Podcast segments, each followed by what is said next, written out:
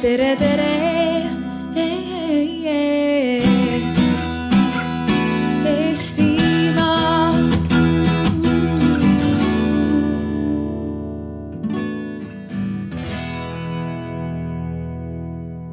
Äh, meie paneel kannab Miku poolt leiutatud äh, nime nägemispädevus. Nägemuspädevus. nägemus. nägemuspädevus. Ähm, meil on äh, paneelis Elo Võrk, kes on Tere. äh, Telia partnersuhete juht. Mikk Rand, kes on äh, üle kümne aasta vist vedanud kinobussi. tegelikult ligi kakskümmend. oi jumal. aeg lendab. ja praegu on Eesti Filmi Instituudi, kes on üks digikultuuri aasta korralduskonsortsiumi liige, digipädevuse juht eesmärgiga siis äh, jõuda selleni, et Eesti lapsed ja üldse Eesti inimesed oleksid visuaalselt pisut pädevamad digimaailmas.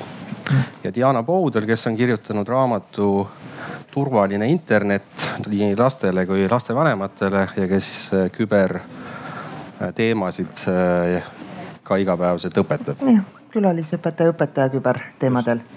aga sissejuhatuseks võib-olla selline hõllandus, et kui Eesti rahvusliku ärkamise algusajal hakkas esimest korda Eesti talumeestele natukene varandust tekkima, siis esimene asi, mis nad sellega tegid, oli koolide ehitamine, et nende lapsed saaksid kirjaoskuse, mis aitaks neil elus paremini hakkama saada kui nemad ise.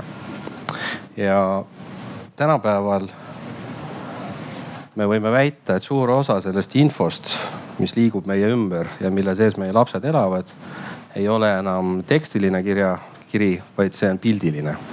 ja siit ka retooriline küsimus, et kas äh, ei oleks aeg jälle hakata ehitama kreisikoole, kus lisaks kirjaoskusele õpetatakse ka visuaalset info tarbimisoskust ja visuaalset kriitikat.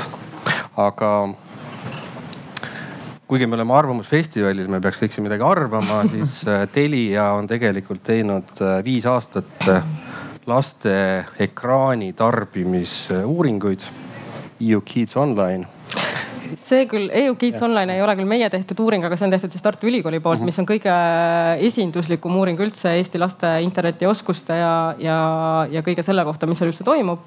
ja neid puudutav, et see on jah, viimati kaks aastat tagasi tehtud, aga Telia on teinud siis viis aastat järjest laste seas uuringuid ja just selle eesmärgiga, et teada saada, mida lapsed tahavad öelda oma internetikäitumise kohta, et mida me muidu teada ei saaks. ja miks see on oluline, sellepärast et üks kolmandik meie klientidest on lapsed ja meie klientidel on lapsed ja lapsed teatavasti on üks haavatavamaid äh, gruppe, kes internetis äh, äh, kogevad siis võib-olla noh, kindlasti palju positiivset, aga eks seal ole ka väga palju riske, et see on see põhjus, miks me neid laste uuringuid teeme. ja me oleme teinud siis igal aastal erineval teemal, et see algas sellest mis on üldse privaatsus laste jaoks, kuidas nad seda käsitlevad, mis on sellega seotud probleemid, turvalisuse teemad. siis millised on nende suhted internetis, sõprussuhted, suhted perekonnaga, ekraaniaja teema tuli sealt välja. üle-eelmine aasta tegime mängimise kohta, et mängimine kui äh, ikkagi väga tõusev trend e, e-sport kui väga suur uus spordiala. et mida lapsed selle kohta tahavad täiskasvanutele öelda. ja nüüd äh, tegelikult sellel aastal me tahtsime teha uuringu äh, info usaldusväärsuse kohta, mis puudutabki just nagu fake uudiseid, fake videosisu, et kas lapsed tunnevad ära, mis on päris, mis on, mis on võlts. aga siis tuli kogu see koroona meile peale ja tegelikult andis meile ka unikaalse võimaluse teha täiesti uus uuring. nii et me tegimegi selle kodus õppe ajal uuringu selle kohta, kuidas lapsed seda koge, kogesid. et mida siis, mida siis nad sellest positiivset ja negatiivset nägid, millised riskid seal olid, kuidas see mõjutas nende suhteid. nii et sellest uuringust tegelikult siinsamal laval just äh, paar tundi tagasi minu hea kolleeg Hedi rääkis, et, äh, et sealt tuli ka ikkagi üllatavaid asju välja, aga, aga võib-olla jah, et tänane teema on rohkem see visuaalne ja audio pool, et et üht-teist me nendest uuringutest näeme jah, et kuidas ekraan, noh lihtsalt trendid, mida, mida me näeme ja mis tõenäoliselt ei ole ka üllatuslikud, et ekraani aja tõus, ilmselgelt väga suur tõus selle äh, kodus õppe ajal mis on positiivne võib-olla tänases kontekstis, et see, et see koroonaaeg andis siis võimaluse ka lastel proovida uusi vahendeid, mida nad ei olnud kunagi varem proovinud, et noh, tulidki uued tehnoloogiad, uued keskkonnad, äh, rohkem teisi, teisi võimalusi, just audiovisuaalseid. ja, ja mis oli üllatav meile kõigile, kes me seda uuringut äh, planeerisime, et see kodus õppe ja distantsõppe kogemus oli valdavalt positiivne laste jaoks. et lapsevanemate jaoks oli see kindlasti nagu negatiivne ja väga raske, sest enamus koormust oli nende õlgadel, aga lapsed tegelikult äh, kaks kolmandikku nendest vastanutest, seitse tuhat last Skandinaaviast ja Baltikumist vastas küsimustikule. et nende arvates oli see pigem positiivne. kas vastab tõele, et põhimõtteliselt istuvad nad seal ainult Tiktokis või? Äh, ma ei tea, Diana oskab seda tõenäoliselt kommenteerida, et seal võib-olla on mingi vahe poiste ja tüdrukute vahel, äkki on, et tüdrukud on Tiktokis ja poisid mängivad, ma ei tea, kas see nii on, kas nii saab väga väga robustselt öelda. Äh, natuke on, et tüdrukud tunduvad minema passiivsema selle meedia tarbimise või teed. poisid, poisid on rohkem see mängu, mängude skoop on nagu laiem et võib-olla on ka mängude see, et noh, enamik mänge, mis on populaarsed ja toreda graafikaga, on ikkagi võistlu-, võitlevad, nad ikka verisemad, noh et adrenaliini pakuvad või on siis, ma ei teagi, kas on nüüd geneetiline, kas on stereotüüpne või on see lihtsalt ühiskondlikult jälle kusagilt oleme suutnud lapsed niimoodi riiulitesse panna. aga oskad sa üldistada, et kas see on ikkagi ühesuunaline liiklus, et see telefon on toru, mida kaudu tuleb sisu lapseni, teistpidi sinna eriti, eriti midagi vastu ei lähe, et sa oled passiivses rollis? Äh, sõltub, nad like ivad, nad jagavad et see on ka ju tegelikult mingi tegevus. Äh, samal ajal nad ei tooda ise sisu väga paljud. ja võib-olla on see hea, kuna Tiktoki ametlik vanusepiir on kolmteist aga ma võin täiesti omaenda, ma olen nüüd tuhandeid lapsi koolides näinud algklassides ja ma olen alati küsinud, mida nad kasutavad. ja TikTok on alati kolme asja seas, mida mainitakse algklassi laste poolt. ehk siis äh, kui nad hakkaks seal sisu ka looma, siis seal oleks nii palju uusi riske, et las nad siis parem ainult tarbivad seal kohas, ma ütleks, et, et, et. viisteist protsenti vist on see osakaal, kes ise sisu loovad. umbes tavaliselt ongi viis kuni viisteist on ka internetis vist, et, et kes teevad sisu, ülejäänud on tarbijad Mikk, sa ütlesid, sa oled kakskümmend aastat käinud äh, kinobussiga mööda Eestit ringi, igas peatuses teinud väikese töötoa lühimultikate tegemise kohta. igas praegu... bussipeatuses. igas bussipeatuses jah ja, ja praegu sa teed äh, siis mobiilfilmide töötubasid ka ka, jah.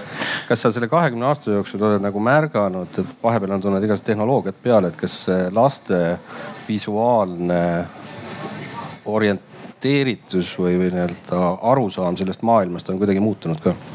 või on lapsed ikka lapsed mm? -hmm mõlemat pidi selles mõttes, et et isegi sünnisi vastan aga ma, eh, mida ma ütelda tahan, et ma eile tegin just äh, Leisis Saaremaa põhjakandis seal sihukeses kohas. Tegin Leisi noortekast kutsusid ja tegin ühe väikse töötoa seal. ja, ja selge on see, et, et noh, kui sa küsid niimoodi algselt, et kuidas, kas te olete teinud filmi, nad ütlevad ei no aga samal hetkel, sellel hetkel, kui sa küsid, et kas te olete oma nutitelefoniga midagi filminud, siis see on jaa. et noh, eh, küsimus on alati tekib nagu see, et noh, et filmi tegemine ja filmimine iseenesest ei ole enam noh nagu üks ja sama ja selles, selle koha pealt korraks pöörduda tagasi ja räägin just nimelt sellest nägemuspädevusest, eks ole, et, et kui me räägime audiovisuaalsest noh mõistest kui sellisest, et, et audiovisuaalne on ju see teema, millest me siin praegu räägime. ja see audiovisuaalne põhimõtteliselt äh, igal juhul hõlmab endas äh, kõiki kauneid kunste metsikul hulgal tehnoloogiat, vaadake korraks sinna selja taha, eks ole, see filmib meid. et noh, et ilma selleta, selle tehnoloogiata, ilma elektrita, kui me niimoodi võtame, siis meil tegelikult seda, eh, seda oskust ei oleks olemas. nii et selle koha peal, kui me räägime kirjaoskusest ainult, siis ajab see mind kohe lihtsalt marru, see noh, see on nüüd eh, utreeritud välja väide aga idee on selles, et kirjaoskus on see, kui me oskame kuulata väikelapsena hakkavad, hakatakse lapsed hakkavad meile kõigepealt rääkima lugu, noh, vanemad räägivad meile lugusid, me kuulame neid. seal on noh, nii-öelda seesamas oraalne äh, traditsioon ehk siis juttude rääkimine edasi. sealt edasi tuleb oskus seda kirja panna. siis tuleb grammatika, et me saaksime nagu sellest, mida kirja on pandud, ühtemoodi aru ja siis lõppkokkuvõttes siis see käib noh niimoodi nagu pingpong edasi-tagasi ja niimoodi see kirjaoskus ju, ju põhimõtteliselt areneb.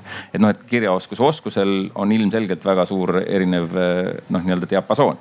ja siit ongi seesama see, et noh, et miks me räägime filmi kirjaoskusest, sest film juba tekib kohe nagu segadus lihtsalt, et film iseenesest oma pildikeele kasutusega on äh, midagi palju-palju komplekssemat lihtsalt sa pead ühel või teisel moel natukene nagu selles mõttes olema familiaarne siis äh, selle tehnilise poolega. see on üks asi. noh, teine asi on see, et, et sa ühel või teisel moel sa ei saa ainult ütelda seda äh, noh, et mida sa teed, vaid sa pead näitama selle ja see ja seal on väga-väga suured käärid alati noh, et, et see, kuidas ma midagi ette kujutan ja siis kuidas ma edasi räägin. et niimoodi ma nüüd selle, selle osa loengust lõpetan miks ma tulen nagu kiiresti selle, lihtsalt mõtled, et noh, et või eesti keel on ilus keel, et, et see põhimõtteliselt ei ole ju mitte midagi erinevat ühestki teisest maailma keelest, noh kusagil on meie juured olemas, ma nimetaksin seda nägemus, meil on olemas nägemus, me peame oskama seda, me oleme pädevad selle väljenduses. see on esimene asi ja nüüd järgmine hetk sa küsid, et no kuidas siis lapsed muidugi nad ju näevad, nad on ammu juba selle nii-öelda etapi läbinud, kus nad on nii-öelda kuulnud ja kuulnud neid lugusid. ehk siis näinud ja näinud neid lugusid, mida nendele on vestlet-, noh, selles mõttes nad näevad neid lastena kusagilt televisioonist, siis ühel hetkel antakse vanade, vanad telefonid, eks ole, vanemate poolt nende kasutusse. Nad näevad neid, neid lugusid ja sellel hetkel, kui sa nüüd küsid, et kas te akadeemia filmi, siis nad on põhimõtteliselt, see on nende jaoks äh, ainult see küsimus, et kas nad tahavad midagi äh, endast noh, nagu siis anda, väljendada või ei taha. ja teine küsimus on loomulikult see, et noh, seal on ka ju noh, nii-öelda kompetentsi küsimus või, või teistpidi ka võib-olla kujundlikkuse küsimus, et noh, et, et ähm, sinu väljendusmaailm võib olla rikas, aga, aga noh, sa võid olla tuuje, see on üks teema või teine koht on hoopiski see, et, et, sul ikkagi natukene nagu midagi pidurdab see kusagil, et noh, et ennast väljendada. aga seda, et noh, et anna tuld, see ei ole küsimus nagu tegelikult viieaastased rahulikult tulevad ja teevad ja teevad. nüüd me jõudsime jälle minu lemmikteemani, see, et lapsed kasutavad tehnikat ei tähenda tegelikult, et nad oskavad seda väga täpselt kasutada. see, et nad oskavad näha videosi, ei tähenda tegelikult absoluutselt seda, et nad mõistavad nende videode konteksti. kuna ma olen ise näinud enda laste pealt, ma olen näinud enda tuttavate noorte koolides kus äh, võetakse mingi video, väga levib ja tegelikult, kui sa sinna peale vaatad, ta on kas väga eetiliselt väga ebakorrektne, kas ta on kuidagi solvav, kas ta on kuidagi oh ohtlik. et sa nagu ja siis sa hakkad küsima ja siis nad jõuavad ka, et oot, aga tõesti, võib-olla see ei ole see, mida me peame noh jagama ja naerma, on ju mul on isegi mõned pildid ja videod, mida ma klassides panen ja ma täiesti tunnetan ära, et äh, üks pilt ongi see enne, ma panen ta üles ja siis ma olen viis sekundit vait. see on selline noh suhteliselt piinlik pilt, mis hartast igast lapsest on tehtud, kui kaheaastane, ma kontrollisin, need on USA lapsed. see on alast, eks ole? ei, ta on WC paberiga suhteliselt ümber no ja see, aga põhimõtteliselt sa näed ära, on klassid, kus hakatakse kollektiivselt naerma pildi peale ja kus on klassid, kus tunnetatakse ära, et oota, et ta võib korraks naljakas tunduda, aga, aga see ei ole see. et ma jään jah see, et ma jälle ei ütleks, et anna kätte viieaastasele, et nad jah, nad oskavad rekordnuppu vajutada, sellest ma ei vaidle. noh, selles ongi küsimus, et ma ütlesin, et, et selles nagu diapasoonis on igal juhul nagu noh, nagu vahed sees. Mm.. aga kui me räägime sellest, et, et noh, seesama, mul ei ole mingit muud varianti, ma lihtsalt nagu võrdlen seda põhimõtteliselt meie nii-öelda kirjaoskusega eh, tekstis. puhtalt selles mõttes, et artikuleeritud kõne on ühel hetkel grammatiliselt kirja pandud sellega võrdleme, eks ole, me hakkame ühel või teisel moel hakkavad lapsed seda õppima lasteaias laps, lapsi, siis me ütleme, et oo kui targad nad on, vaata nad ju oskavad tähti, eks ole, juba moodustas sõna kurk, eks ole, noh, selles mõttes mm. tegelikult me oleme vot selle nägemuspädevuse teema peal noh, sisuliselt sarnases äh, lihtsalt kontekstis, et loomulikult on see järgmine koht äh, sinu asi ütelda, et kas see, kas kurk on hea sõna, aga äkki ütles sellise sõna, mida ei sobinud, eks ole, kokku kirjutada. noh, sealt tuleb nagu see teema, et me loomulikult me vajame pädevaid äh, juhendajaid, see on juba nüüd nagu see koht, kus, äh, kus me räägime, et, et kuidas me seda arendame. aga nägemuspädevus kui selline noh, ma neid teisi sõnasid lihtsalt ütlen, meediakirjaoskus, filmikeele tunnetamine ja nii edasi, kasutamine. ma lihtsalt tahan ütelda, et, et see on siin ja praegu ja kui me seda ei õpeta, just nimelt koolid, mis peaksid põhimõtteliselt panema selle esimesest klassist praegu äh, noh, nii-öelda endale kavasse, on need koolid, millel on äh, kümne aasta pärast palju rohkem perspektiivi kui see, kes äh, sellega, selle kohta on nii hea vanasõna, Bulgaaria. küsimus nii. ka laiale ringile, millal on õige aeg puud istutada? kes teab? Kakskümmend aastat tagasi. kakskümmend aastat tagasi ja millal on teine õige aeg puud istutada? jah, täna.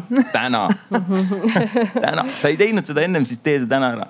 see on asi, see on, ma lähen kohe, ma võin põlema minna, aga ma tahan ütelda, et see on strateegiline, see on nagu riiklikult ühel hetkel strateegilisem kui et, et mitte ainult see, et, et see on kauni kunstivaldkond, mida on ka. aga ma arvan, et sa langed kohe raevunud õpetajate rünnakute ohvriks, kui sa ütled, et äh, lisame meie, lisame meie hõredatesse õppekavadesse veel ühe ähmaste piirjoontega õppeaine, mille mul on ettepanekuid selle koha pealt, aga see. aga näiteks ma praegu jäin ise mõtlema, et äh, mul endal on kaksikud, lähevad nüüd seitsmendasse klassi. Ja neil on nüüd kohustuslikku kirjandust, see ei ole nüüd väga popp, aga noh, nad loevad läbi, nad analüüsivad, nad peavad sellest noh midagi ikkagi seal kirjutama, kontrollitakse, kas, kas said aru ja ma hakkasin praegu mõtlema, et kas ma mäletan, et neile oleks mingit filmi antud, sest mulle endal Pärnu kolledžis anti küll, me vaatasime veel mingi rühmaga Idiokrasid koos ja tegime seal sotsiaalset uurimust selle põhjal. aga mul ei tule nagu noortekoolisüsteemist praegu meelde, et nad peaks mingit filmi või noh, ütleme audiovisuaalset teost vaatama ja siis seda analüüsiks tunnis, et, et pigem tehakse nagu kontrolli isegi, et kui äh, tahad tahab õpetaja teada, kas sa oled päriselt Kevadet lugenud või sa oled filmi vaadanud, siis ta paneb sulle sellised küsimused, mida sa oskad ainult siis vastata, kui sa oled raamatut lugenud. et noh, seda võimalust üldse ei tekigi, et sa hakkaks võrdlema filmi ja raamatut või me arutleks nüüd selle üle, et kuidas nagu raamat äh, midagi annab rohkemat või vähemat edasi kui film ja noh, selliseid diskussioone tegelikult ei soodustata või noh, ma saan ka öelda, et oma, oma laste põhjal seda on ju. aga ikkagi, äh, miks, läheme konkreetsemaks sa näed probleemi et lapsi ei valmistata ette nägemuspädevuste oma, omandamiseks, vähemalt mitte kooli tasandil. Nad näpivad ise telefoni, mõtlevad selle üle, aga neile süsteemselt ei seletata, mis seal toimub. kas see on see probleem, mis seal? süsteemsus jah, puudub okay.. ja lahendus oleks milline? no lahendus on äh, igal juhul on see põhimõtteliselt on niimoodi, et vaata, kui kuidas lahendus noh, nagu iseenesest toimub lahen-, lahenemine. lahenemine toimubki see, et, et, et äh, mis ta oli, kaks tuhat kümme vist peetakse seda nagu aastat, et need lapsed, kes sellel aastal on sündinud, need on sündinud nii-öelda selles libistava tahvli äh, ajastus, eks ole, et noh, need on selles nuti äh, nii-öelda nutiseadme ajastu lapsed nii-öelda. et noh, nemad on noh, mu enda tütar, kes on praegu kümme aastat vana, on põhimõtteliselt see, et, et ta kaheaastaselt tõmbas alla juba hiinakeelseid mänge endale ja meie ei saanud midagi aru, aga noh, naised telefoni ta seda suutis teha ja selle väljaviskamisega oli probleem, aga temal neid sinna peale tõmmata ja neid mängida ei olnud probleeme. kuidas, mis, ära küsi mu käest. no selles mõttes, et mida ma tahan ütelda, et ise lahenev on see, kui me nüüd noh, nii-öelda ootame, kuni tema saab nii-öelda selliseks, kes käib näituseks läbi, ütleme, võtab endale Eh, pedagoogi elukutse sihiks ja jõuab omadega kooli ja siis ta on nagu nii-öelda kujundanud oma maailmapilti, oma oskused. ta teeb praegu, kui ta ütleb, et ta pole kaks Tiktoki eh, videot päevas teinud, siis päev ei ole korda läinud. noh, umbes selline suhtumine. aga idee on jah selles, et, et ta ilmselgelt, eh, kui mina temaga vestlen, vestlen, siis ma näen, et ta oskab valida. me räägime sellest, mis on ohud, mis on head, mis on eetika, kõike korraga niikuinii ära ei jõua rääkida, eks ma lasen tal ju kasvada ja nii käibki, ehk siis kunagi tuleb tema ja hakkab õpetama selles moel, et noh, et mis on nüüd äh, äh, võimalik kõike siis äh, audiovisuaalse tehnilise vahendusega üksteisele edastada. teine variant on see, et, et me tegelemegi, õnneks ma võin ütelda BFM-i sellest aastast nüüd BFM on, on sedapidi saanud endale nagu õpetajate siis kas ma jään võlgu, siin peaks olema mõni, kes oskab paremini, aga BF, ütelda, aga BFM-i, Katrin Saks seda väitis, et BFM saab hakata õpetajaid õpetama. ja see tähendab seda, et see tuleb sealt nüüd see, kus, kus õpetaja põhimõtteliselt, kui ta ennem isegi kartis natuke seda tehnoloogiat, siis ta ehk saab selle noh, nii-öelda noh, nii-öelda teatud familiaarsuse ja saab sellel juhul minna ikkagi eelkõige oma teadmistega midagi küsima see on tähtis, et sa oskad ühel hetkel ka küsida okay,. aga see on nüüd teooria, aga Diana, sina käid äh, kogu aeg sedasama asja tegelikult ju koolides. praktikas katsetamas ja Praktikas, laste peal äh, kas sellel mõttel on jumet või kuidas sina seda näed praktikuna mm,? ma näiteks eraldi meediaõpetaja vähemalt kuni põhikoolini lõpuni Ähm, see on väga ilus mõte, aga kui me räägime sellest, et me pole suutnud arvutiõpetustki veel mm -hmm. paljudes koolides sisse viia rohkem kui üks aasta, üheksa aasta jooksul, siis nagu tundub, et meediaõpetaja noh sinna juurde panna, et ei noh, võib-olla kunagi. aga mis ma rohkem näen, ongi see, et nagu IT-d saab sisse panna niimoodi täiesti lihtsalt äh, tundidesse, kasvõi etteütlused, mitte et keegi Peeter mängis palli, aga Peeter muutis parooli. samamoodi me peaksime saama kogu seda nägemuspädevust pane, panna sisse juba algklassidest, et äh, noored ka analüüsivad neid videosid, mis nad vaatavad, nad analüüsivad, mis nad õppisid, kellele see suunatud on. mul oli eile väga tore, mul üks kursaõde nüüd jäi natuke magistritööd tegema kauemaks ja nüüd ta on valmis jõudnud. ja ta just on selle audiovisuaalse kirjaoskuse teemadel ja ta palus mul eile läbi lugeda ja lugesin seal seda teooriat ja kõike. ja seal olid nii toredaid tegelikult selliseid juba on olemas selliseid raamistikke, kuidas lapsi suunata suunata, et kes selle video tegi, kellele see video on tehtud, mida selle videoga saavutada tahti, on ju. ja siis neid küsimusi oskavad tegelikult vastata algklassi lapsed. aga lihtsalt hetkel ei noh, seda suudaks ka küsida iga eesti keele õpetaja, ta ei jääks hätta, kui ta IT-d kardab. aga kuidas see idee viia? ja üks, üks lahendus ongi, võib-olla tuleme selle juurde, et, et kakskümmend seitse, kakskümmend kaheksa august on, on meil siis Eesti Filmi Instituut on osa sihukesest Euroopa rahvusvahelisest projektist ja, ja see on üks koht, kus me nagu teeme esimese sellise sammu filmihariduse siis nagu lähtekohtade laialiviimisest Eesti Õpetajate Seltsi. esimene päev on meil selline rohkem rahvusvahelisem nii-öelda inglisekeelne koos partneritega. kui ma ütlen, et see on rahvusvaheline, siis see on tegelikult üle-euroopaline ja, ja siin erineva erinevate aastate jooksul, aga ütleme, et siis hea viimane kuus aastat on tehtud äh, kaks erinevat projekti ja hästi kõigepealt hästi teoreetiliselt nagu nii-öelda räägitud just nimelt sellest raamistikust, et noh, et, et mis, ähm, mis see filmiharidus kui selline, millisel moel ta äh, töötab. see on esimene osa sellest ja nüüd teine pool sellest toimus ja siis nii-öelda töötati läbi, kuidas see nagu nii-öelda väga konkreetselt nagu metoodikatesse võiks olla valatud.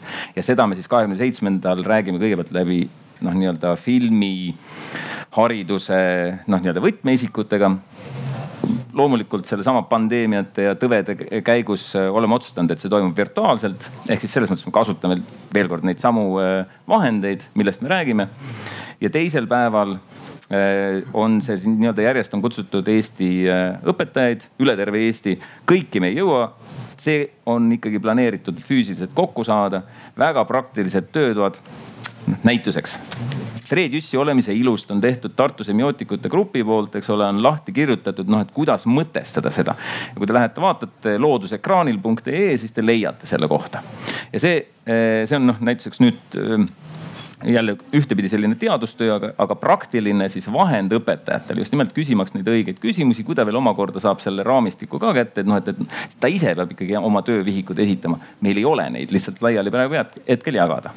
ja vot sellisel hetkel, noh, kui sa küsid, et mis on lahendused, noh, me teeme neid samm-sammult. aga selge on see, et, et et noh, väga strateegiline peab tulema see samal ajal, meil on üks inimene puudu täna siin mm, -hmm. kes oli Kristi Vinter-Nemvalts ja kes on asekantsler ja kes tegelikult noh, kellega saaks nagu rääkida sellest, et millal me saaksime, mida meie võiksime teha selle jaoks, et see ikkagi läheks ja mitte eraldi meediaõpetajana, aga tegelikult iga õpetaja noh, nagu lisakompetentsina. õiged küsimused, õigel ajal küsida mm. -hmm. see kõlab mõistlikult, kunagi mul tekkis ka mõte, et võiks äh, mingi filmi ja meediaõpet koolidesse teha. testisin seda ideed haridusinimeste peal ja seal öeldi, et äh, ära jumala pärast ürita näppida õppekavasid, et enne läheb issanda päike looja, kui äh, seal midagi muuta saab. aga siit ma tegelikult tahan esitada sulle küsimuse, Elo mobiilioperaatorid tegelikult on ju need narkoparunid, kes meie lasteni viivad ekraaniga varustatud heroiini. Kui me ei suuda koolidesse sellist nagu ettevalmistavat raamistikku sisse saada, kas mobiilioperaatorid ei võiks olla ise need, kes mitte ei anna ainult heroiini, vaid ka kõrvale ka väiksed nagu kasutusjuhendid? et Sest... kuidas, kuidas mobiiltelefoni kasutada? ei, mitte mobiiltelefoni, selle nad õpivad kiiresti. kuidas, kuidas tekitada pika, pikemaajalisemat sõltuvussuhet mm? -hmm. no vot sellesse, sellesse suunda me ei ole veel läinud, aga noh, võib-olla tegelikult noh, mõnes mõttes oleme puudutanud ühe otsaga. et see puudutab äh, tüdrukute tehnoloogiaharidust, et tegelikult kogu see, see filmi ja audiovisuaalse oskuse levik võib-olla noh, ma ei tea kas on statistilist infot selle kohta, kui palju näiteks BFM-i tuleb sellist võib-olla tehnilisemat monteerimise eri, eriala õppima poisse versus tüdrukuid ja nii edasi, onju. et kas te näete mingit sellist vahet, aga noh, tehnoloogia eriala, erialadel on kindlalt nagu see väga selge sooline lõhe, et poisse on kaks kolmandikku ja tüdrukuid on üks kolmandik. tegelikult kakskümmend protsenti naisi on ju lõpuks nagu nendel töökohtadel. et me oleme tegelenud sellega tegelikult, et rohkem tüdrukuid tuleks tehnoloogiaaladele ja see läheb kokku ka selle kooli teemaga, et miks meil ei ole, eks ole, neid äh, digipädevuste tunde, kuidas äh, üheksandas klassis on ainult pooled Eesti lapsed kokku puutunud programmeerimisega, mis on ka nagu üliolulised oskused, on ju. et, äh, et me oleme ise teinud töötubasid tüdrukutele, et meil oli selline programm nagu Telia Tech Girls, kus siis tüdrukud said tulla proovima kätt siis 3D printimises, big data töötubades ja muuhulgas oli siis neil ka selline video ja, ja nii-öelda lühifilmi tootmise töötuba, mis oli kõige populaarsem, see läks kohe täis nagu esimese hooviga, hästi populaarne. ja, ja see sisu, mida nad seal tegid, selle kohta ütles noh, meie selline parim partner, kellega koostöös meie teeme videoid, ütles, et noh, ülihea sisu tuli sealt, et ta võiks nagu kohe need eetrisse panna mm. -hmm. et selles mõttes nagu lihtsalt tuleb anda võimalust ja, ja erinevad uuringud ka ütlevad, see TalTech tegi küberpähkli uuringu kaks tuhat üheksateist, kus ütleb siis seitsekümmend kaheksa protsenti vastanutest, et nad väga-väga tahaksid kasutada selliseid äh, tehnoloogiaid nagu äh, 3D droonid, ühesõnaga veel laiemalt võtta seda, et mitte ainult nagu film, vaid et veel, mida sa saad visuaalselt läbi tehnoloogia, eks ole. mul on ettepanek selle peale. vaat meil, ma võtsin kaasa Nii. mõned filmid ka seepärast, et noh, ma ei saanud jätta seda võimalust kasutamata, kuna öeldi, et ikkagi ekraan on ka, eks ole. et noh, et tegelikult ja sa ise saatsid ühed filmid, ma arvan, et me võiksime no, natukene no. vaadata ka selles mõttes, et muidu me räägime, eks ole, igaüks kujutab mida ise iganes ette, aga vaatame, seal on kuidas need olid, laste, laste tehtud filmid ühesõnaga? kui sa, kui te panete need, mis on äh, meie uuringust, ma lihtsalt räägin selle intro ära, et mis filmid need on, kui te neid näitate, et need on sellised äh, suhteliselt algelise animatsiooniga tehtud äh, Plotagoni rakendusega filmid.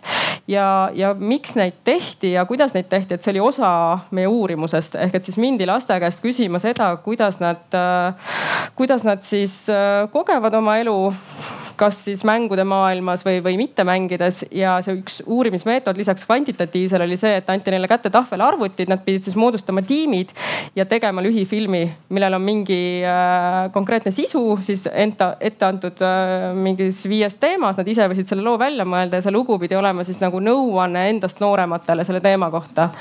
ja meie kogemus näitas seda, et äh, noh, endal oli lihtsalt see tunne, et okei okay,, et ma pean nüüd ise kiiresti selgeks õppima selle Plotagoni, kuidas ta käib, kui nad midagi küsivad, kas ma oskan vastata, onju, et noh, endal oli nagu ärevus sees ja siis, kui me lõpuks kohale läksime nende tahvelarvutitega, siis see käis niimoodi, et tšah-tšah-tšah-tšah-tšah. Nad olid põhimõtteliselt viie minutiga, nad olid selle loo välja mõelnud. kogu see uuring tehti ära neljakümne viie minuti jooksul. selle, selle sees nad pidid tiimiga välja mõtlema loo ja selle ära animeerima ja osad veel isegi noh, paljud tegid inglise keeles, mis näitab ka onju. täpsustan ka Nii. lihtsalt selles mõttes, et kuigi ma seda Protagoni ei tea, siis nemad ei animeerinud seda ära, see oli eelnevalt okay., see oli, nüüd ma ütlen no, seda koha pealt, et, et vaata siit nägemuspädevus hakkabki sellest hetkest, kui sa tead, kuidas põhimõtteliselt audiovisuaalset noh, nii-öelda infot kõik, mis ka on, kuidas seda kokku pannakse. selles mõttes ma pean täpsustama mm, -hmm. et, et nad ise ei animeerinud, et see on nagu ja, ette animeeritud, seal on ilmselgelt on niimoodi, et sa trükid seda sisse, eks ole, teksti sisse äh,. ai loeb selle teksti nagu noh, noh kõnetuvastus loeb selle nii-öelda ka teksti välja ja lõppkokkuvõttes sa filmi paned jah, selles mõttes kokku nagu osadest, natukene nagu Lego, eks ole, et sa päris ise, et noh, et selles mõttes on see filmi tegemise maailm äh,, võib ütelda nagu erinev sellest, kui, kui ma teen äh, näituseks äh, lamenuku äh, stiili stiilis eh, laste-noortega töötuba, kus nad peavad animeerima ikkagi väga konkreetselt ja, selle paberitüki no,. see oli väga lihtne no, rakendus, mida nad kasutasid. aga, lihtsalt, et aga, aga vaatame korraks. vaatame no,, mis nad siis tegid. üks pilt ja tuhat sõna ja kuidas see What are you doing? I am playing on the computer. What are you playing? I am playing Minecraft with my friends I met online. Have you met them face to face? No, they're just my friends in the game and I don't plan on meeting them. Have you done your homework? Yes, as soon as I got home. Why are you not reading a book? Because I find this more interesting. Also, it helps me be more creative. Okay, but don't play for too long. Okay. ükski okay. laps ei vasta nii, aga olgu teine, teine ka vaatame kaks tükki korraga ära, sest et siis on meil mõned teised filmikesed ka hiljem võib-olla vahelduseks, aga mis on profide poolt tehtud Have you heard of Fork Knife? Do you mean Fortnite? I guess. I have heard of it, but I've never played it. Me neither. I don't like playing video games. I don't see the point. They take up so much time I could be spending on other activities, such as playing with my dog. I agree. No nüüd on küsimus, et eh, selle kohta tegelikult, miks ma need kaks, noh seda saadet, eks ole, noh ma tegin väikese nagu valiku niimoodi ja.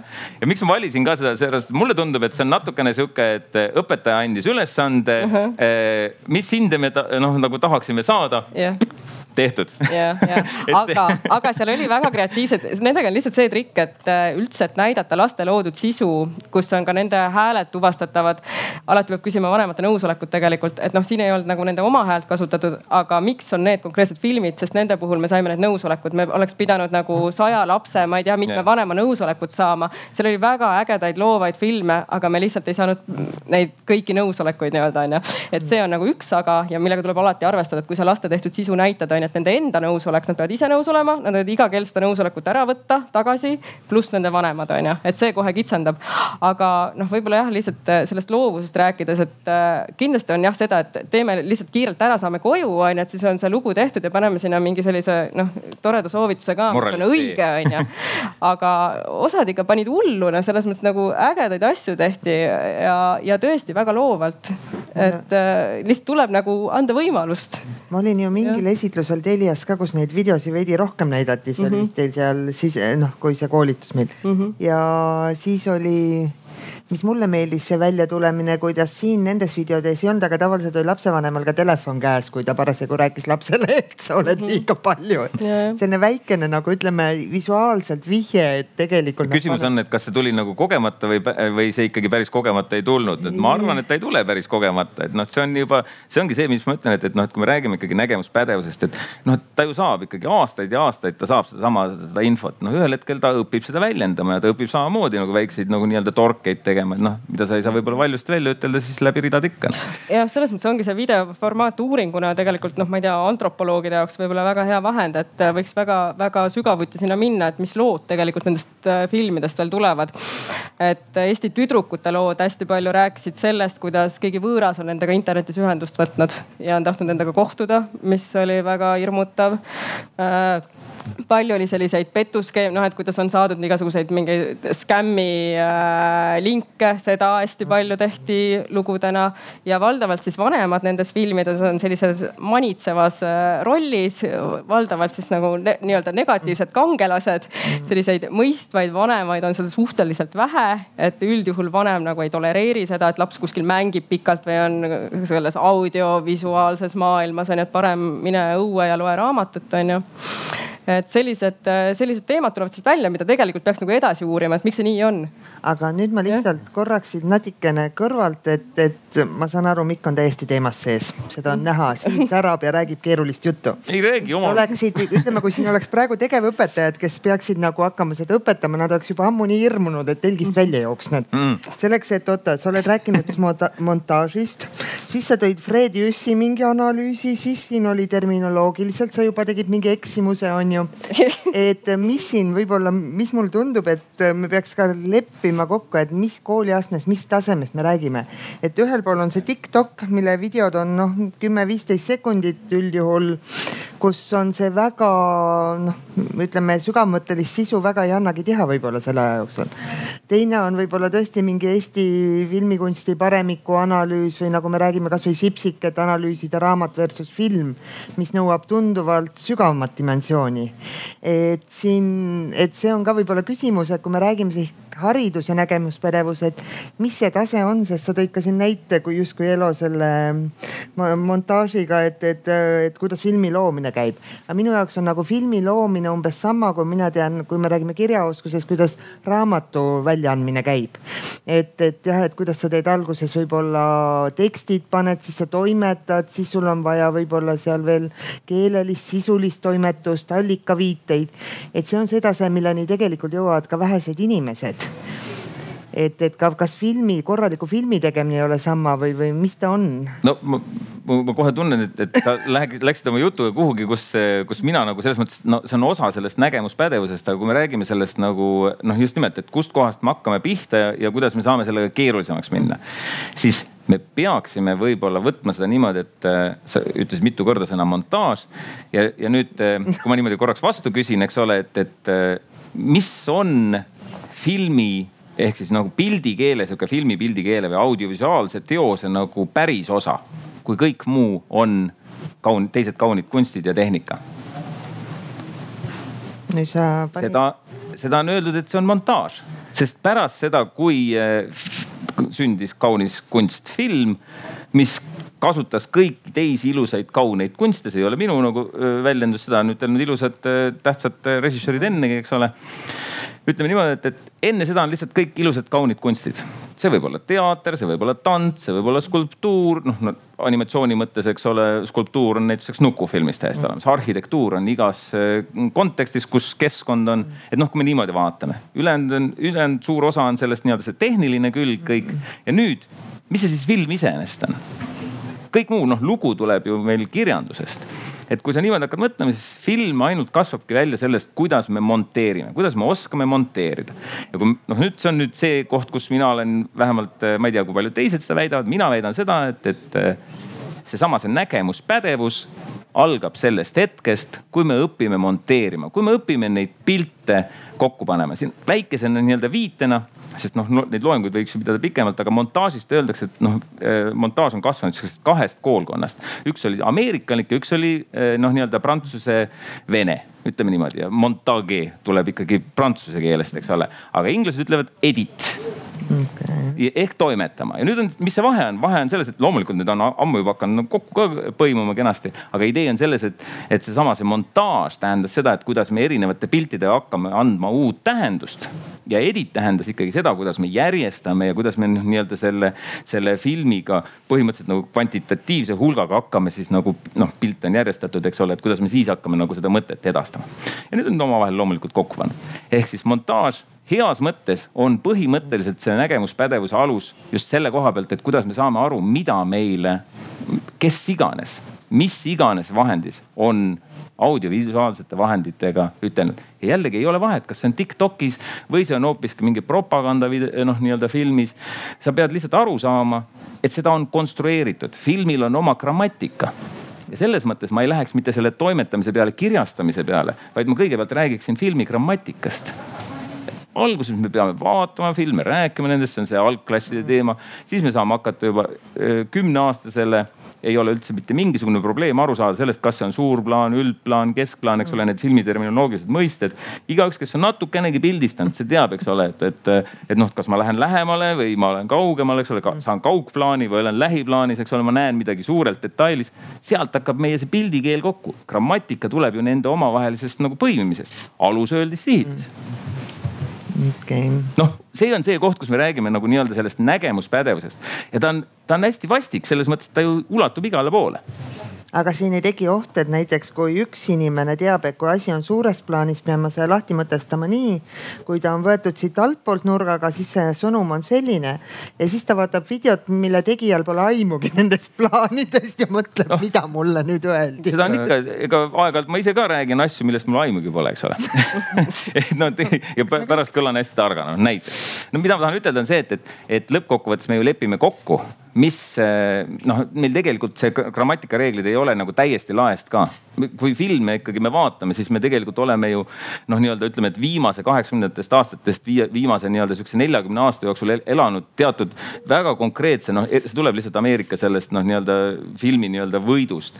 et noh, kuidas on stsenaarium üles ehitatud, kõik see, mis on indie nagu nii-öelda tüüp, kuidas on otsad lahti jäänud või midagi sihukest, see on üks aga kui me ikkagi vaatame Spielbergi noh, nagu seda lõuad, eks ole, siis see on väga konkreetse nagu nii-öelda sellise stsenaariumi ülesehitusega. grammatika lihtsalt ehitatakse siis vastavalt sellele, kuidas see lugu on, on sinna alla kirjutatud. kas me ei ole juba päris lähedal sellele hetkele, kus montaaži ei tee enam inimene, vaid äh, põhimõtteliselt tehisintellekt, et kui on. selles, äh, absoluutselt. kui, kui äh, Koreas on juba mitte ainult robotid, mis teevad teleuudised valmis, vaid ka on avatar, kes need usutavalt ette loeb siis ei ole kaugeltki tõenäoliselt see hetk, kus lihtsalt hakkab tekkima mingisugust mitte inimese poolt käivitatud, monteeritud mingit sisu äh, mis lihtsalt suure lainena käib meist üle ja me ei ole keegi selleks valmis, ei lapsed ega täiskasvanud. sa oled Facebooki kasutaja?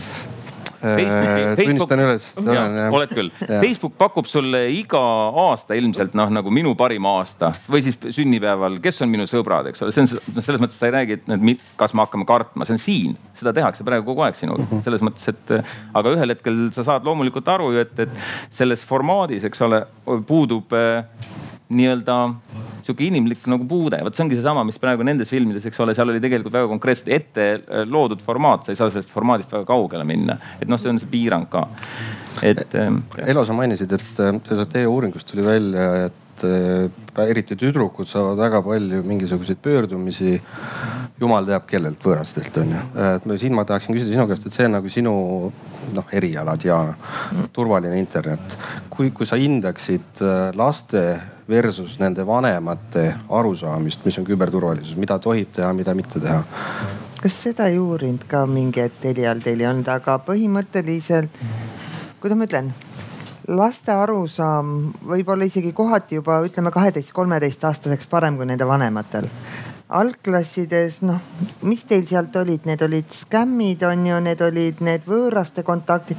ma olen näinud sõnumeid. Password'ide jagamine ja minu kohta info jagamine ilma minu loata, et see oli nagu üks asi, mis nagu. aga noh, ma olen ka näinud valdav. sõnumeid, et mm -hmm. sa müü mulle oma aluspüksid maha, et maksan sulle kakskümmend eurot, et üks poiss näitas mulle mingi kolmas või neljas klass, et mida teha, kui sulle selline hea äriline ettepanek teha. et, et, et. normaalne ärimeesmüük üks. Ei, aga see ongi, aga siit ma lähekski korraks, äh, kui me turvalisusest, ma eelmine siin olin, eelmine see paneel olin äh, seal teises telgis, Elo oli ka, et äh, deepfake toodi. Ja hästi hea video lasti ka, sul oleks see video, ma ei tea, kas sa nägid, nägid seda Obama videot? See oli suurepärane, põhimõtteliselt Obama rääkis väga imelikku juttu, aga nägi jumala realistlik välja et äh, nüüd ongi küsimus, et okei okay,, nüüd tehisintellekt monteerib, tehisintellekt loob ka selle inimliku pildi, kes seal räägib. et äh, kui palju see näge-, kas, kui palju me saame usaldada seda, mida me näeme enam paari aasta pärast või kui palju me seda usaldada praegu saame? See oleks, see oleks kindlasti lahe, noh kui mina nagu vaatan ja mõtlen selle peale, mida ma olen ise näinud neid noh, nii-öelda seda süvavõltsinguid, eks ole, kus eh, põhimõtteliselt ükskõik, kes on näitleja paneb, aga see on tegelikult, see on üks osa animatsioonist. mina, ma pean tunnistama, minu eh, noh, nagu filmi taust on animatsioon et selles mõttes, et see on, see on see maailm, kus ma olen kasvanud, eks ole. ja, ja idee on selles, et eh, ma ütleksin niimoodi, praegusel hetkel ma teen sellel vahet.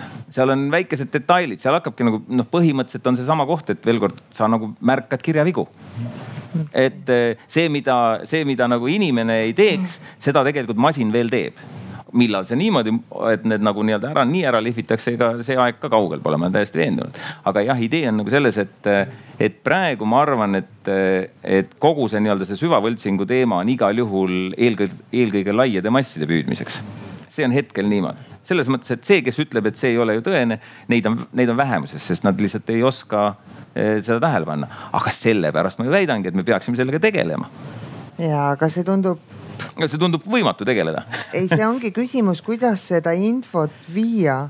sest ma just mõtlesin. osaliselt eh, kirjandustundides, kirjandustunnid eh, lähevad natukene ja midagi ei ole parata, vähem loetakse raamatuid, rohkem vaadatakse filme, see ongi kaasaeg, noh, selles mõttes, et sa, sa ühel hetkel pead aeg kakskümmend neli tundi jääb samaks, aga sa noh, nagu põhimõtteliselt, kui sa mõtled, et, et, et Peltsepuli vastu võideldakse Peltsepuliga, siis palun, see on see koht nagu okei okay,, aga mm, sa oled Eesti Filmi Instituudi digipädevuse projekti, programmi. nägemuspädevuse vedur. nägemus, just tahtsin öelda. Mis on sinu järgmise kolme aasta plaan? selles mõttes mul oligi Eesti Filmi Instituut, kui, kui mind kutsuti sinna, siis mul oli sihuke kolme aasta plaan täiesti lihtsalt äh, esimese aasta või pool aastat on koroona ühtepidi mu plaanile kõvasti kaasa aidanud. teistpidi osa sellest keeras tuksi, seepärast et meil pidi see filmikonverents toimuma juba märtsikuus ja, ja selle plaani sisse kuulub näituseks just nimelt õpetajate sihukese võrgustiku loomine, sest õpetajad kasutavad tegelikult, ärme nüüd ütle, et noh, et meil õpetajaid ei kasutata, kasutavad. lihtsalt küsimus on selles, et kus ja kes ja mida ja kui palju me teised õpetajad seda teavad. ehk siis selles mõttes, et õpetajatel peab tekkima selles mõttes noh, nii-öelda selline õppematerjalide noh, nii-öelda pagas või ladu, kus nad saavad üksteisest kasutada ja, ja, ja siis sellega tekib ka seesama võimendus. et see põhimõtteliselt sinu kolme aasta plaan seisnes selles, et sa toodad õpetajatele lihtsalt. ma toodan seda või noh, selles mõttes mitte mina ei tooda, vaid ma siis otsin äh, erinevaid lahedaid äh, filmitegijaid või siis selles mõttes filmiga seotud inimesi, noh nii nagu ma noh viitasin sellele. see on, see on eelkõige nad on semiootikud, eks ole, kes on Tartu sihuke töörühm, aga, aga nad võtavad siis selle filmi üksipulki lahti ja, ja põhimõtteliselt just nimelt siis trans transkribeerivad selle põhimõtteliselt nii-öelda kaasaja eh, nii-öelda sellisesse nii-öelda sellesse kirjutavasse meediasse, et me, et õpetaja võtaks sealt oma kogemusega ja siis ta saab nagu selles mõttes hakkama selle filmiga ka. aga see on ikkagi nagu filmi selline tehniline õpe? ei, ei, see ei ole ainult tehniline. kas seal räägitakse nagu sellest ka, et mis lugu selles filmis on, mis on, ma ei tea, mingisugused ja, väärtused, eetilised küsimused, mida oleks kõik, nagu ülihea. ära nüüd alahinda meie Tartu semiootikuid. ei, ma just mõtlen, et, et. et loomulikult see on natukene, see on natuke rohkem kui üks väike mhm. lehekülg, et seda tasub nagu selles mõttes, kes ei ole, kes ei ole, siis ma väga-väga soovitan. haridusekraanil on üld mhm. nii-öelda leht ja, ja seal on, seal on tehtud nii-öelda näituseks Tõe ja õiguse filmi pealt on tehtud nüüdseks siis äh, identiteet ekraanil siis Seltsimees laps äh, filmi pealt on tehtud nendel äh, siis ajalugu ekraanil. Noh, loodusekraanil ma tõin, eks noh, küsimus ongi selles, et, et noh, et veel kord, kuidas me seda mõtestame, noh, me peamegi, ega muud ei olegi. täiskasvanud inimene peab palju rohkem nii-öelda seda mõtestama, sest ta ei lähe kõiki asju nii-öelda enam kätega avastama ütleme niimoodi, siin ei ole midagi parata, laps alustab ikkagi, see on see, et, et laps võtab mullakamaka, pistab suhu ja saab aru, et see on mullakamakas, et seda ei tasu süüa Elo, kas kui, kui iga aasta lähevad lapsed esimesse klassi, Eestis vist ostetakse esimene telefon siis, kui laps läheb esimesse klassi, et sa saaksid jälgida, kus ta on. juba jah ja.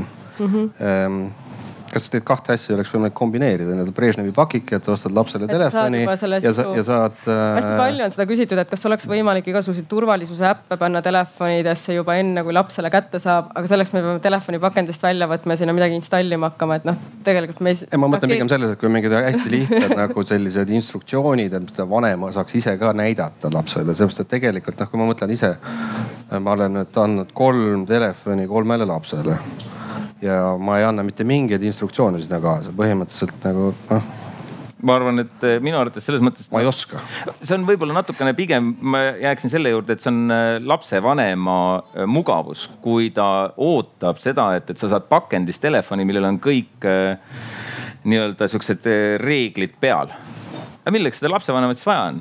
Polegi vaja, siis ongi ai ju, palun väga, siis on korras ja noh, ai teeb filmid, ai õpetab ja noh, ai-d me kasutame ja noh noh, pigem jah, meie oleme selle suuna võtnud, et kõige olulisem on see turvalisus, et need reeglid nagu esimeses järjekorras selgeks saada. et kui see nii-öelda hügieenitase on olemas, et siis sa võid sealt juba kaugemale minna, eks ole, igasugused kreatiivsed lahendused, mida sa selle telefoni ja nutiseadmega tegelikult noh, veel edasi võid tegema hakata. aga noh, meil ei ole jah otseselt mingeid selliseid suuri programme veel loodud, aga see mõte iseenesest on väga hea, et muidugi võiks. aga ma muidugi mm -hmm. ütleks, et tegelikult see turvalisus ja kui me räägime sellest videost videost ja sellest, ta on ikka nii tugevalt läbi, et kui noh, ütleme, kui ka mäng on ju video tegelikult, mäng on ju animatsioon. ta käib selle termini alla, siis noh, kui palju lapsed muud kasutavad, kui tegelikult ainult seda visuaalset sisu. Et võib-olla näiteks kasvõi see vägivalla noh teema, et millal, miks ütleme, ma ei tea, kas filmide hulgas on seda, et miks osad filmid on mõeldud noh, noh filmidel on ka reitingud, mängudel on ka vanusereitingud peal, et, et kui vanalt võib midagi vaadata, on ju. aga ühiskonnas mõnikord puudub ja filmide puhul me saame aru, et kui ta on kaheksateist pluss, siis suure tõenäosusega on seal noh vürtsikam sisu. kui ta on kuus pluss või seitse pluss, siis noh. igav ütleme, et üldiselt, et loodame, et see on see animatsioon, kus hobune teeb naljakaid nägusid, et siis oli päris tore, tore animatsioon, aga noh, et ei ole. ma pean ütlema, et ma tegelikult ütlen sinna lõpuni, ma mul tekib kohe mingi assotsiatsioon aga, aga noh, ütleme, et seda tunnetust ühiskonnas, et samuti, et mis sisu on eakohane ja kui me räägime sotsiaalmeediast, noh, kes otsustama peaks, lapsele söödetakse ette, on ju, et noh, järjest. muidugi oleks tore, kui Telial oleks, mul on ka numbreid parasjagu Telias üle, et oleks hea, kui nad näiteks ainult tarku videosi mu lastele, et siis võiks kohe topelt küsida kuutasu, et. aga noh, seda ei saa loota, ma olen nõus, et sellist kontrolli ei saa tehnoloogiliselt teha et, et kuidas nagu saaks natuke targemaks neid noori video abil, et, et nad aga Diana, sa ise õpetad praegu? mille alusel sa õpetad, sa ise mõtled siis kõik välja või? Põhimõtteliselt ma alguses hakkasin õpetama, siis ma kirjutasin raamatu, siis ma õpetasin veidi veel, siis me tegime Teliaga koostöös ühe mängu. ja eks ma nüüd kasutan ka veidike, ütleme laiast maailmast tõlgitud materjale, kasutan ka videosi, siin on netilambad näiteks väga head algklassidele, sellise noh lihtne animatsioon, millega saab diskussiooni alustada, et ka selleks on video tohutult hea, et, et, et analüüsidki videot, et mis tegi valesti, et kui ma ütlen, laps ei taha enda kohta kritiseerida, ma ei saa minna klassi öelda, et oi, kes see nüüd nii loll on, et, et jagab kurjadele huntidele paroole. aga kui me vaatame videot ja siis me räägime mingitest poisist ja lammastest ja, ja sellest, siis need lapsed saavad kõik oma mured ära rääkida nagu hoopis selle video baasil et, et äh, minu jaoks on video küll tore, aga ma ütlen, et kahjuks, kui ma vaatan kodus et siis äh, mul on natuke mure, et ma üritan suunata lapsevanemana, aga ma näen, kuidas teismiga tuleb peale. Ja kahjuks see, mida koolis öeldakse, on natuke kõvema kaaluga kui see, mida kodus ema ütleb, eriti kui emale meeldib eriti liiga palju öelda IT-teemadel. ja ma tahaks, et see kool või nagu ühiskond ka toetaks seda pingutust, et suunakski, et miks sa vaatad, mida sa sellest õppisid, et, et kui sa suudad mulle öelda, et sa õppisid midagi uut, sul tekkis uusi mõtteid, siis vaata ka. aga vahepeal ei suuda lapsed seda öelda mulle, et see tekitab muret. tegelikult äh, ma tahaks välja pakkuda võimalust, et äh, küsimuste jaoks ma viskan sulle. aitäh et vot see viimane teema, mis oli, et tegelikult siis, kui juba teismega käes on, siis on vist hilja tegeleda sellega juba, et, et siin ongi see mure, suur koht. ja, ja siis, kui ennem oli jutt sellest, äh, nendest protsessidest ja struktuuridest ja kuidas seda kooli viia, siis üks variant on äh, minu arust, mis väga hästi töötab praegu, millest ma ise osaline olen, on see unicorn squad, tüdrukute Mhm. tehnoloogiaring. et kas seda nagu ei annaks samamoodi ära kasutada, et ei olegi vaja mingisugust protsesse, mingisuguseid strateegiaid, mingit väga suurt asja, aga lihtsalt teha üks pilootprojekt aastane näiteks ja kasutada seesama ära, et ma ise näen, et kui me seesama tund, kui oli see video tegemine, lava ja, ja need tüdrukud pidid seal panema need nukud kokku seal ja siis filmima seda, et kõigil silmad särasid, et see ei, noh ei läinud tunni ajaga, ei saanud hakkama lihtsalt. et nad, nad ootavad seda ja kui see võimalus on pakkuda ja rääkida sinna juurde nii-öelda jah, see on kõik need väärtused ja muud asjad ka ära, siis võib-olla see, see on nagu üks asi, mis nagu annaks siukse mingi mingile grupile niisuguse kiire siukse noh impulsi näiteks või mingi sisendi, et, et, et näha, et kas see nagu niimoodi toimub. sest mul on ka tunne nagu, et see, et ma saan aru, Mikk tervitusi kongutust, et, et see kõik, mis sa teed, on väga äge ja väga õige, aga lihtsalt, et see. aga, aga et see aeg ja see ressurss ja see jõudmine inimesteni, et see, see kolm aastat noh. ei ma räägin, mina ei teegi kõike ära, selles ja, mõttes, et seepärast ma ütlengi, et, et selle, selle mõte oli see, et, et, et seda saavad teha ikkagi inimesed ise. aga üks võimalus on see, et ma saan neid äh, nii-öelda võrgustikku kokku viia ja seda aga, ma saan teha. aga siin ongi see, et äh, mal endal on see, ütleme see ainult tüdrukutele mõeldud asjad, et ma kunagi olin, ma olin Death Sistersi asutajaliige. tol hetkel ma uskusin, et võib-olla see on hea tee nüüd ma mingi hetk ikkagi läksin sellele, et äh, peaks kohe esimesest klassist tüdrukuid ja poisse võrdselt kutsuma. ja nüüd on mul viis aastat selline hobiprojekt olnud Laagri roboringi näol, mis tundub, et see meetod võiks töötada, kui sa nad esimesest klassist kätte saad tehnoloogia juurde hmm.. mina olen väljundiks võtnud robootika, aga praegu, mis ma mõtlen, et ma olen nõus õppekavadesse asju sisse suruda, on noh et enne, et saavad meie lapsed ka lapsed ja, ja, ja, ja nemad noh jälle, aga miks no, mitte. siis on nüüd lahendatud juba probleem. aga miks mitte mõelda, et kogu see filmi ja seda te teemat tugevamalt läbi huvihariduse. sest ma hakkasin praegu mõtlema, et laagris oli mingi filmiring, aga ta oli liiga noh, ütleme vähemalt mu enda lastele ta jäi liiga lihtsaks. ja ei ole sellist noh, et oleks sellised head filmiringid või minna läbi huvihariduse, pakkuda seda võimalust? siin ongi see, praegu on see huvihariduse lisaraha riigi poolt, et kas sinna ära siduda näiteks, et praegu ütleme, see siin jutus oli ka, et need videod ja mängud ja tegelikult see ristmeedia nii-öelda. see on ju tegelikult praegu ongi see asi, millest me nagu räägime, et kui, kui lapsed ju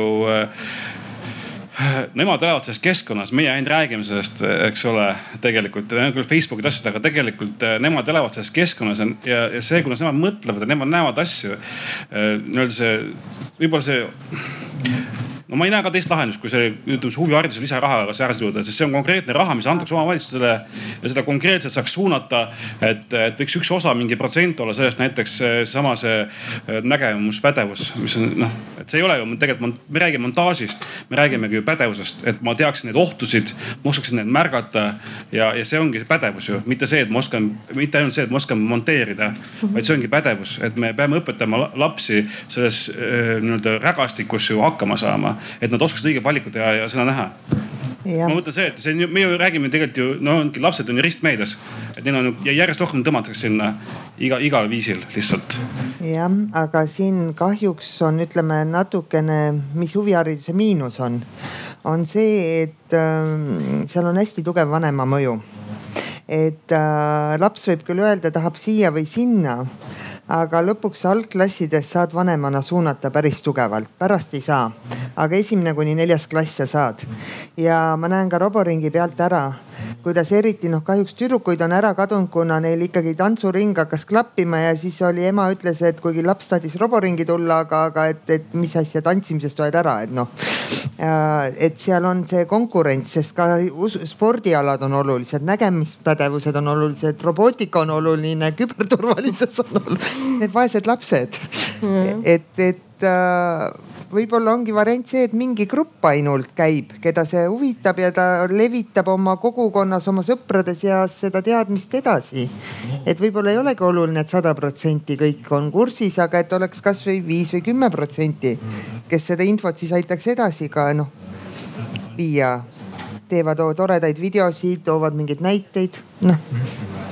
aga küsin nüüd niimoodi, Mikk, et äh, kui Arvamusfestival edasi kestab, me mingisugustel segastel põhjustel kolme aasta pärast oleme siin. ja ma küsin su käest, et plaan oli selline, kus sa jõudnud oled, mis sa ise arvad, kus sa jõudnud? ma arvan, et selles mõttes, et see, mis ma olen rääkinud, et noh, et, et eh, noh, me alustame siin praegu augusti lõpus, saame osade õpetajatega kokku. ma olen juba eelnevalt, eks ole, nendega vestelnud ja õppematerjale kogunud. mul on noh, järgmiseks etapiks peab olema see, et peab olema keskkond, kus, kus need õpetajad nii-öelda leiavad need materjalid. ma ei ole midagi ütelda, aga praegusel hetkel eh, loodud eh, koolikott.ee ja sihukesed asjad või õpik või midagi sihukest, need on ausalt öeldes minu arvates lihtsalt halvad sest nad, nad põhimõtteliselt on noh, see, kus on ainult see noh, nagu kirjutatud tekst, et noh, et selles mõttes sinna praegu integreerida nii-öelda sedasama audiovisuaalset maastikku või maailma on põhimõtteliselt võimatu. ja sellepärast tuleb seda nagu luua. nii et, et see kolme aasta perspektiivis on see täiesti võimalik ja kui me räägime nagu selles mõttes, et noh, et kui ma tulin EF-isse eh, sellepärast, et kutsuti ja ma tunnen, et see on mul üks nagu asi ajada, eks ole. siis järgmine hetk ma tunnen ka seda, et noh, et ma saan selle ära teha, seda, see, see maailm on minu jaoks nagu täiesti okei okay, arusaadav. küsimus on siit edasi selles, et, et päris üksi sa ju ikkagi ei tee ma väga-väga, me oleme noh, nii-öelda haridusministeeriumis nüüd käinud neid jutte rääkimas ja BFM-i nagu noh, nagu teeme koostööd ja selles mõttes noh see peab tulema ikka igast suunast. selles mõttes on jah, seesama see noh, et kinobuss käis kakskümmend aastat tagasi, eks ole, esimesed ringid nii-öelda.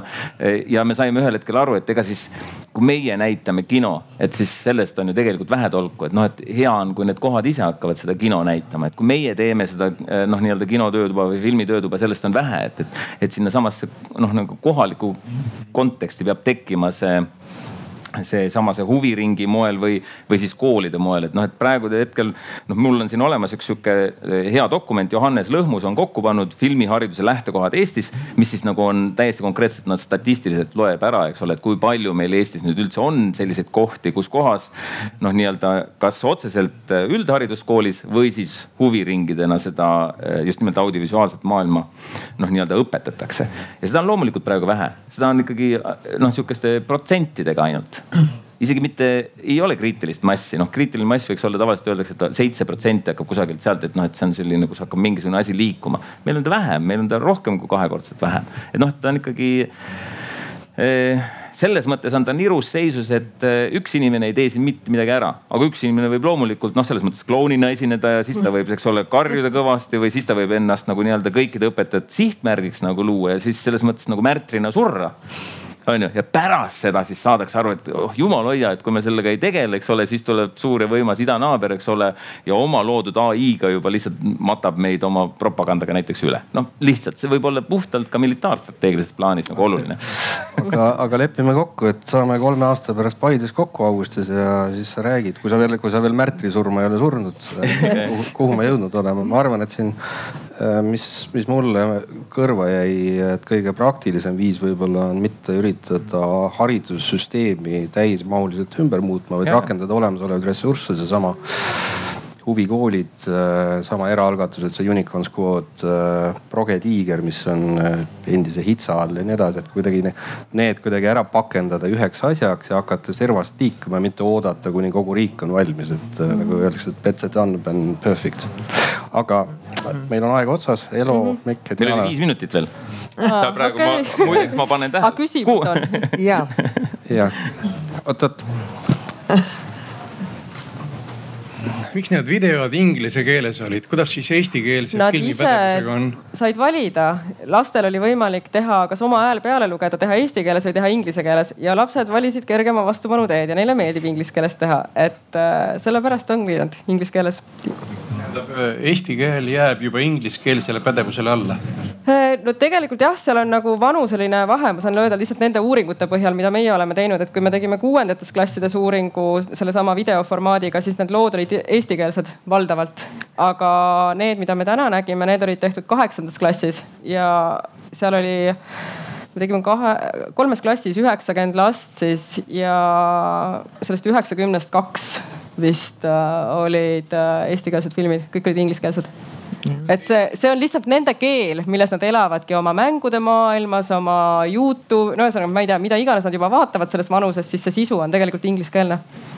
Kas te ei pea vajalikuks siiski hoolitseda selle eest ka, et eesti keel ka nendel ajudes sama tasemel vähemalt oleks? ja no selles mõttes, et ega meie oma uuringut äh, tegema minnes me saime neile lihtsalt seda soovitada, et see oli lihtsalt laste enda valik jah, aga eks nad koolis kindlasti õpivad eesti keelt täpselt sama hästi kui inglise keelt. seal oli üks. võime paistab juba inglise keeles suurem. võib-olla küll. jah kommentaari, kas on kosta?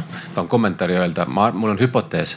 ma arvan, et asi ei ole selles, et lapsed ei taha eesti keeles nagu katsetada mm. -hmm. see nii-öelda nagu see ready-made platvorm oli, et ingliskeelne tekst oli valmis ja, ja. ja sellega ja oli lihtsam teha mm. -hmm. minu kogemus on see, et inimestele väga meeldib eesti keel, nad väga tahaks katsetada.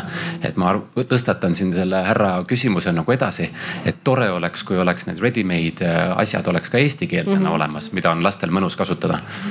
et. Nad, nad tegelikult said sinna oma hääle peale lugeda, see oli fun, aga see võttis jälle liiga palju aega ja siis sai aeg läbi ja tuli teine tund. ja, ja kui teha variant, et kas laps tahab sisse lugeda eestikeelsena oma juttu või ingliskeelselt, ma võin enam-vähem kergemat sorti mürki võtta, et ja, oleks ja. sisse lugenud eesti keeles. ja muidugi mm..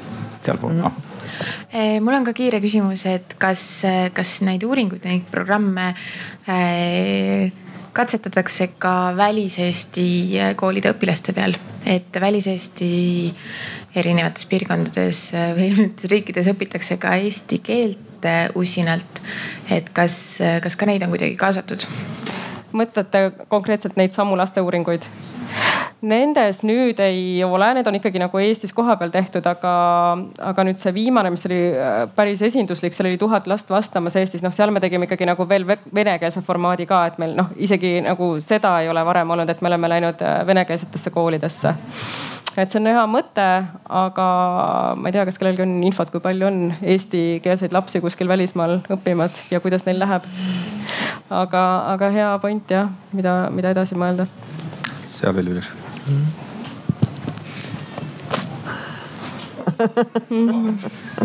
ei, kõik on hästi.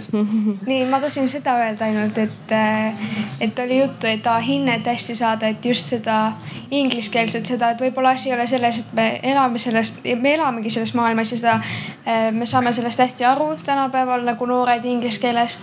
aga just see, et kui ma peangi seda tegema, et ma saaks mingi hinde, ma saaks hea tulemuse, et siis, kui ma teen seda inglise keeles, siis see nagu ma arvan, et õpetajale meeldib see rohkem, et ma olen nagu arenenum ja saangi parema hinde, sest see oli inglise keel ikkagi. et ma oskan seda, et võib-olla selles on asi ka.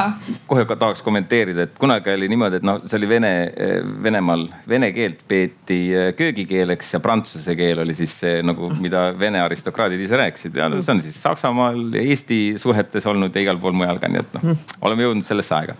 ma, ma tahan igaks juhuks ütelda ära, et päris lõppu me võiksime ühe filmi veel vaadata see, mis me siin digiaasta, digiaasta raames tegime Eesti Filmi Instituudiga. ja see on see, eh, kus on eh, Tähis taevas kirjutatud, et noh, et kui veel kellelgi küsimusi on, siis see selleks, aga seal on üks väga väike lahe üheminutiline film.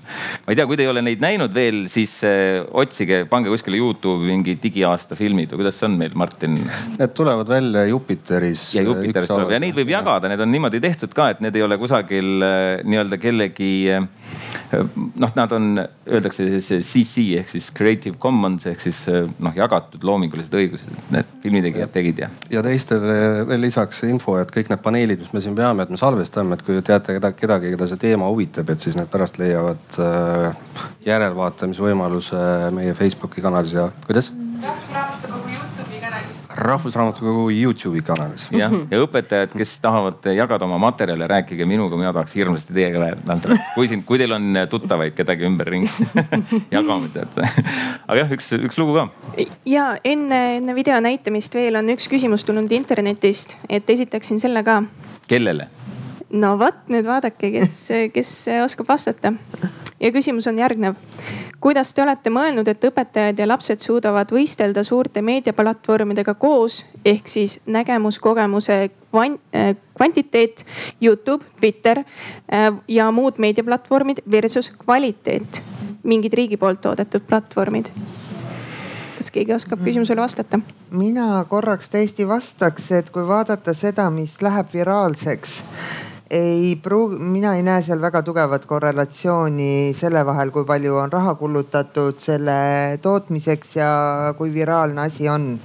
et pigem võib-olla praegu ongi suurkorporatsioonidel ja see häda see, et tehakse nii poliitkorrektselt, viisakalt ja vagusi, et äh, nende noh, nende, nad ei saa oma klikki ja share'i kätte vähemalt minu isiklik noh, ütleme tunnetus on, mul pole praegu statistikat mm, -hmm. äkki teil on? ma olen täiesti nõus just selles mõttes, et, et selles mõttes, et noh, kui ma sain nüüd õigesti aru, et kas õpetaja, kuidas ta saab nagu nii-öelda võidelda korporatsioonvideotega või noh, nii-öelda. see on tema valik, ma pigem ütleksin niimoodi, et, et kõik, mis on vähegi siis võrgust saadaval audiovisuaalsed teosed on ju meie noh, meie nii-öelda võimalik seesama õppematerjal ka noh, minu jaoks ma olen õppinud sellest, kuidas näiteks parandada auto ukselingi äh, mingisugust äh, jubinat. lihtsalt how to Youtube okay.. see oli ka kahjuks inglisekeelne, Eesti filmitegija tegi, aga nihuke on nii. aitäh.